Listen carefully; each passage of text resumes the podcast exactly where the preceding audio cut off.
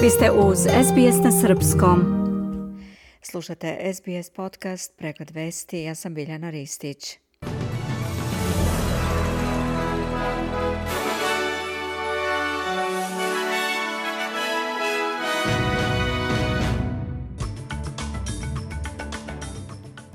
Gradsko veće Adelaide protiv predloga da se zgrada opštine osvetli bojama palestinske zastave.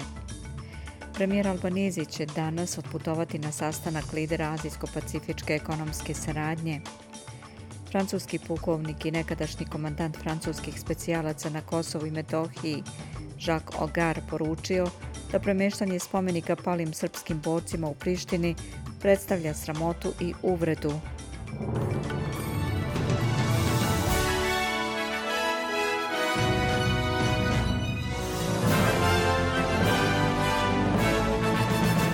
Vlasti u Australiji prate gde se nalaze kriminalci, uključujući tri ubice i jedan broj seksualnih prestupnika koji su pušteni u zajednicu nakon prošlonedeljne odluke Vrhovnog suda da je nezakonito na neodređeno vreme držati pritvorenike, što je primoralo vladu da oslobodi 81 migranta. Ministarka unutrašnjih poslova Claire O'Neill rekla je za Kanal 7 da se ljudi puštaju pod najstrožnim uslovima da su primorani da se stalno javljaju vlastima, da prijavljuju lokaciju na kojoj se nalaze, a u nekim slučajevima svakodnevno. Ona također kaže da je moguće da dobiju dozvolu za rad u određenim vrstama industrije. Sa druge strane, liberalna senatorka Jane Hume kritikovala je postupanje ministarke unutrašnjih poslova u datoj situaciji. Ona je za Kanal 7 rekla da, iako je vlada znala da ova odluka dolazi, nisu se za nju pripremili. Gradsko veće Adelaide glasalo je protiv predloga da se zgrada gradske opštine osvetli bojama palestinske zastave, kao što je učinjeno u znak solidarnosti sa Izraelom nakon napada Hamasa 7. oktobra. Predlog je odbijen jednim glasom razlike. Premijer Albanizi će danas otputovati na sastanak lidera Azijsko-Pacifičke ekonomske saradnje koji se održava u Sjedinjenim državama. Očekuje se da će trgovina, klima i digitalna ekonomija biti ključne teme na razgovorima, čiji je domaćin američki predsjednik Joe Biden. Jedan od najposmatranijih aspekata samita bit će sastanak gospodina Bidena sa kineskim predsjednikom Xi Jinpingom, njihov drugi lični susret od kada je američki predsjednik preuzeo dužnost u januaru 2021. Očekuje se da će dvojica lidera razgovarati o onome što je Bela kuća opisala kao napredak u komunikaciji između vojnih vrhova, kao i o ratu između Izraela i Hamasa i ruskoj invaziji na Ukrajinu. Izraelski ministar spoljnih poslova kritikovao je generalnog sekretara Ujedinjenih nacija Antonija Gutereša, rekavši da šef svetske organizacije ne zaslužuje da obavlja taj posao, a nakon pitanja koje Gutereš postavio u vezi sa izraelskom taktikom u Gazi. Eli Cohen je govorio na konferenciji za novinare u Ženevi zajedno sa četvoricom rođaka talaca koje su uhvatili militanti Hamasa u smrtonosnim racijama 7. oktobra u Izraelu. Svjetska zdravstvena organizacija saopštila je da bolnica Al-Shifa u Gazi ipak i dalje funkcioniše zbog herojskih napora medicinskog osoblja uprkos nedostatku struje, vode i osnovne opreme. Portparolka Svetske zdravstvene organizacije Margaret Harris rekla je da bolnica sada ima više od 700 pacijenata, više od 400 zdravstvenog osoblja i oko 3000 interno raseljenih koji tamo rade ili se nalaze u skloništu. Bolnica je prestala da funkcioniše normalno otkako je Izrael počeo svoju ofanzivu u Gazi i smatra da se Al-Shifa nalazi na vrhu podzemnog štaba Hamasa, što Hamas negira. Izrael saopštava da Al-Shifa nije pod opsadom i kaže da su njegove snage dozvolile ljudima da izađu, zašto medicinari i zvaničnici u bolnici kažu da nije istina i da se oni koji pokušavaju da napuste bolnicu nađu na udaru. Smenjena britanska ministarka Suela Braverman u utorak je žestoko napala premijera Rišija Sunaka, optužujući ga da je izdao i nju i zemlju. U pismu objavljenom na X platformi, gospođa Braverman je rekla da je razočaravajuće, iako je tako možda najbolje, što ju je gospodin Sunak zamolio da napusti vladu.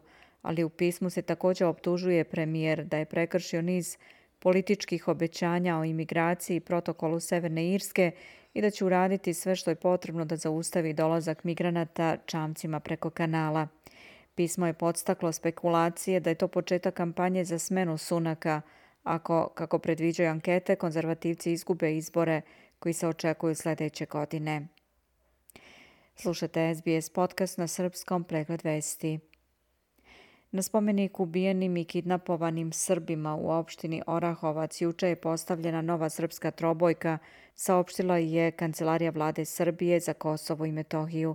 Policija je potvrdila da je u Velikoj Hoči zapaljena državna zastava Srbije na Jarbolu iznad spomenika nestalim i ubijenim Srbima u opštini Orahovac i da je zbog tog incidenta započela istragu protiv nepoznatih osoba.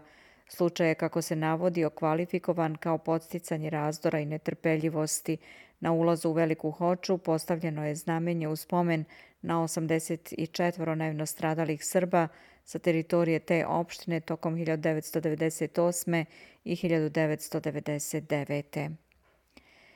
Francuski pukovnik i nekadašnji komandant francuskih specijalaca na Kosovu i Metohiji Jacques Ogar poručio je da premeštanje spomenika palim srpskim borcima u Prištini predstavlja sramotu i uvredu za srpske vojnike i njihovu francusku braću po oružju koji su pali za oslobađanje svoje otačbine Srbije i za slobodu.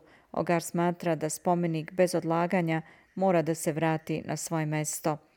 Grupa intelektualaca iz srpske zajednice na Kosovu i Metohiji pokrenula je peticiju da se spomenik palim srpskim borcima vrati na centralno mesto spomen parka na pravoslavnom groblju u Prištini, odakle je izmešten. Peticiju je potpisao i Žako Gar. Na inicijativu Francuske ambasade u Prištini, Bela spomen ploča iz 1984.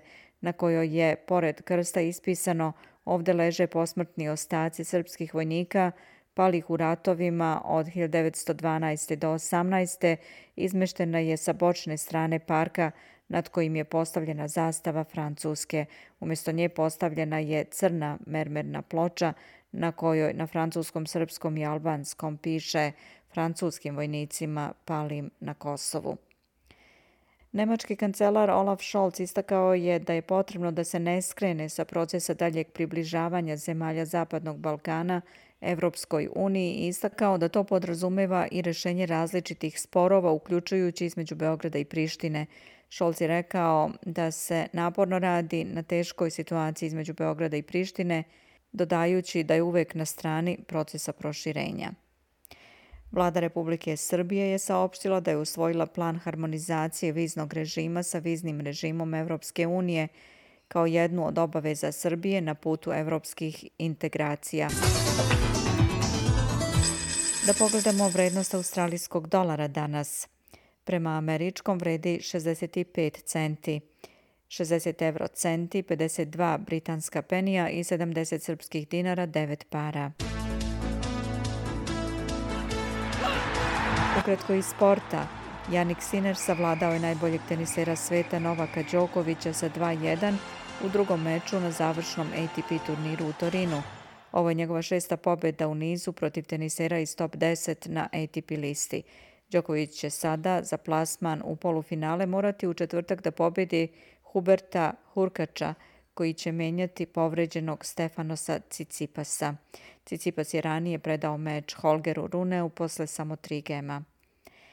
Reprezentacija Bugarske ugostit će selekciju Mađarske 16. novembra na stadionu Vasil Levski u Sofiji bez prisustva navijača, saopštuje Futbalski savez Bugarske.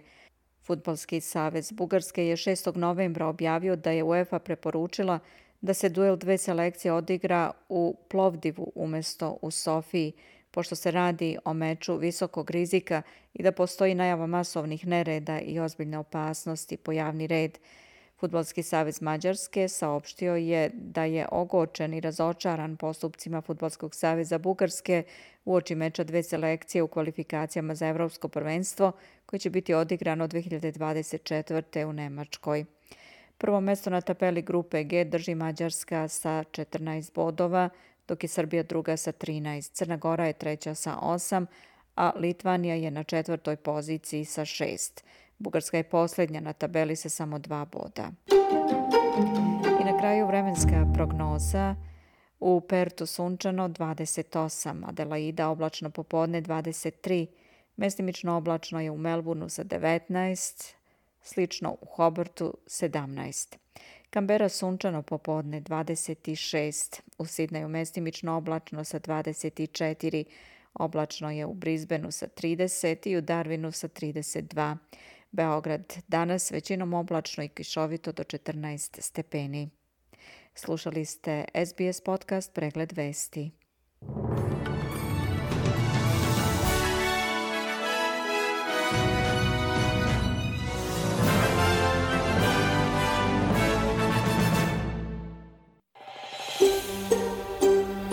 Želite da čujete još priča poput ove? Slušajte nas na Apple Podcast, Google Podcast, Spotify ili odakle god slušate podcast.